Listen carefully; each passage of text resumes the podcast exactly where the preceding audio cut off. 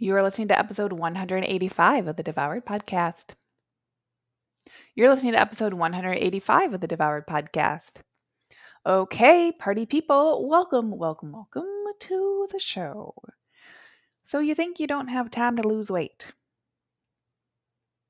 Well, we're going to talk about it in today's show. Because what exactly does that mean? Okay, this is what I want to myth bust is when we say or we think, I don't have time to lose weight, right? What you're saying is, I don't have time to diet. And what you're saying by that, like, what does that mean? Well, to me, what it means is that you think you don't have time for the decision fatigue of dieting. And mm. what I want you to know today is that weight loss decisions can be easier and more simple than the decisions you're making right now without weight loss or with weight loss that kind of comes and then kind of goes. What? Literally, my too long don't read. Like, this is going to be a pretty short episode because I just want this to like sink into your ears and for you to hear it and then for you to chew on it, to digest it, if you will, pun intended. The too long don't read is that weight loss decisions probably feel really overwhelming or they feel fatiguing because you're trying to make them all day long. I think that makes a lot of sense. That it would be really tiring to think about losing weight if your association with weight loss has been that it's a hard thing to do, that it takes a lot of your energy, that it's not all that exciting, and that you have to keep doing it and keep making those decisions every darn day. Literally, this is why in Lean and Liberated, we use the 24 hour plan because you make your plan for your meals ahead of time and you don't make them a week in advance like you could, but that's not what I'm teaching. You just make them the night before or the morning of because you're going to have your thumb on the pulse of what you need during that either next day or the continuation of your day.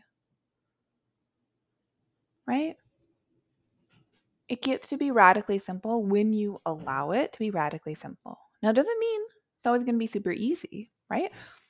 With my clients, the reason that we do the coaching is because, yes, you can make a plan, but if you make a plan for a really diety day's worth of food, well, that's where the learning needs to be. And that's probably what we need to coach through, right? If you make a plan to never eat another cookie again, also, you have the right to do that. But is that what you actually want? Does that align with your values? to be upholding rigidity and structure. For some people, it literally might. That's the beautiful part of like lean and liberated, the liberation, is that there's no judgment with the decisions you make. And I know sometimes clients are like, Lucia, just tell me what to do. And I do, quite frankly. I tell you to make a plan. I show you the structure for the palmful of protein, two handfuls of vegetables, cupped palmful of starches, and a thumbful of fat. That's your job and then you get to it. And if you don't get to it, then we get to investigate why.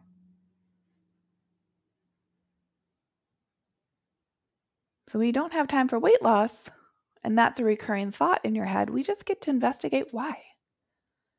Why does your brain think that? Why is it serving you that thought? Because we think thoughts because our brains think that they're useful. We get to love that. I use this example with clients here and there where I'm like, think about think about your brain and the thoughts it's giving you like a toddler. and the toddler is playing with a lot of blocks and you're like hanging out on the couch where the toddler's kind of playing with itself and it's playing with its blocks and toys and you're sitting on the couch and you're watching but you're also just doing your thing and maybe you're chatting with the toddler i don't know whatever the toddler grabs the block that it thinks is so cool and it runs it over to you. And literally, IRL, you're like, I literally don't need to hold a block. But the toddler's giving you this block. It's so excited to give you the block. So what do you do? Like in real life, you're probably just going to take the block from the toddler because it's easier to do that than to try to reason and be like, oh, I don't need the block right now. No, thank you. No, you just honor that the toddler is in its developmental stage where it sees something, it grabs it, and then it wants to give it to you because it wants to share. I want you to think about your brain in that same way. And your brain is the toddler, and the block and it reaching for the block are its thoughts. It finds a cool thought, it finds its favorite thought, is so excited about it, and it just runs it over to you. And you is like the conscious you, okay? So if you try to rebel against that thought, not think the thought, feel like, oh my God, like why the toddler keep giving me the same blue block? Like I could care less. Cool. You have the capacity to care less, and also you can just hold the block for it. Right? Because then the toddler just gonna is gonna go back to playing. Simple. Versus if you say, I don't want the block, you throw the block to the other side of the room. Could you imagine? I'm sure people do this, right? You make it into a big deal. What does that toddler then think about that block? The block is special. The block, maybe there's something wrong with it. There's something wrong with the toddler for picking the block, for thinking that that blue block was cool. It goes into this whole territory that, quite frankly, with us and our thoughts, we don't need to go there. But that's what decision fatigue is. Is it's us being offered a block from a toddler and throwing the block and making and like having our own hissy fit that that toddler would ever just offer us a block. That's what decision fatigue is. That is an exhausting cycle to be in. So, of course, your brain, and this is very meta now because your brain is serving you a thought. Of course, your brain is going to think that dieting and weight loss are the same thing and that they are hard because it's just been given that block enough times that it then rebels against it because it doesn't want that block. Okay? So, weight loss decisions can actually be easier than the decisions you're making now. All that really needs to change is noticing and coming into the present moment. So that's why when we make the 24 hour plan, you make your best guess, your most loving, right? Your most values driven guests and decisions for your meals for the upcoming day, and then you hold to them from your values. So when someone offers you a cookie, if it was on your plan, great. If it wasn't, you don't eat it. That doesn't come from rigidity and and you know lessen yourself as a human and your human experience. But what you're practicing isn't eating cookies when people offer them to you because you've practiced that before. You what you're practicing is saying, "Oh, I'm staying in integrity with the decisions I made for myself." And there might be feelings that come up around that. Having a feeling is not decision fatigue. Having a feeling is usually the thing, like, and truly experiencing the feeling is usually the thing that we're resisting. Think about it. That's why we so often in our culture jump to really restrictive, overly structured diet plans, right? It looks really good on paper, so we just follow that plan. Well, it looks good on paper, but what's it doing for you as a human? Is it really upholding your feeling? Are you ever learning how to feel a damn feeling when you're only eating egg white omelets? No. It has to be the both and. You have to make decisions for yourself and make the decision to hold space for your feelings. I see this time and time again. Once people start to notice, oh my God, it's safe for me to experience my feelings, the feelings really only come for about a minute or two.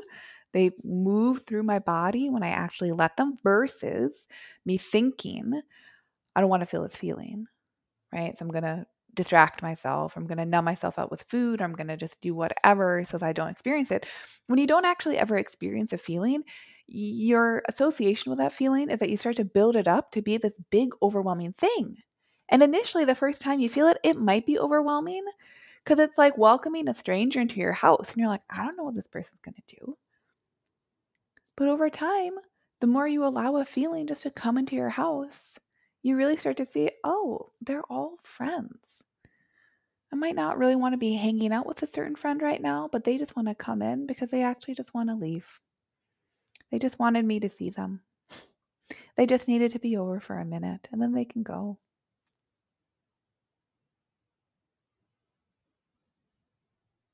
That's how you end the decision fatigue of dieting.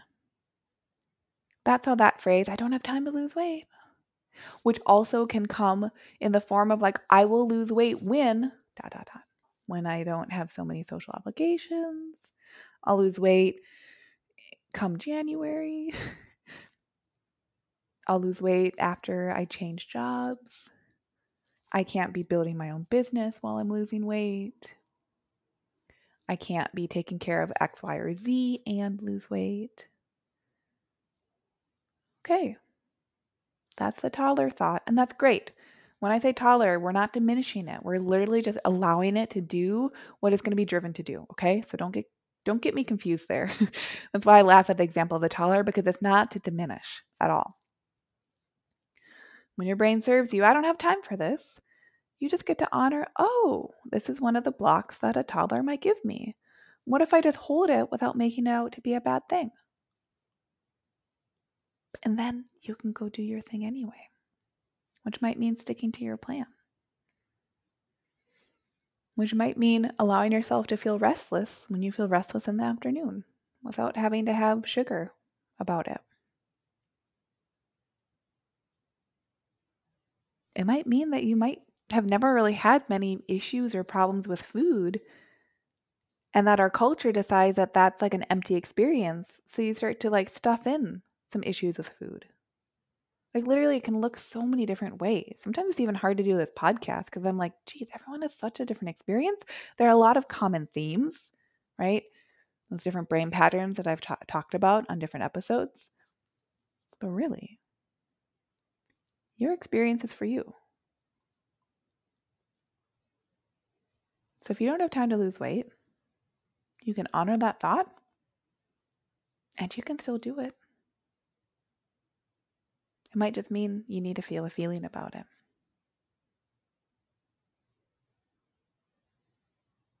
I want you to hold on to that this week. Okay?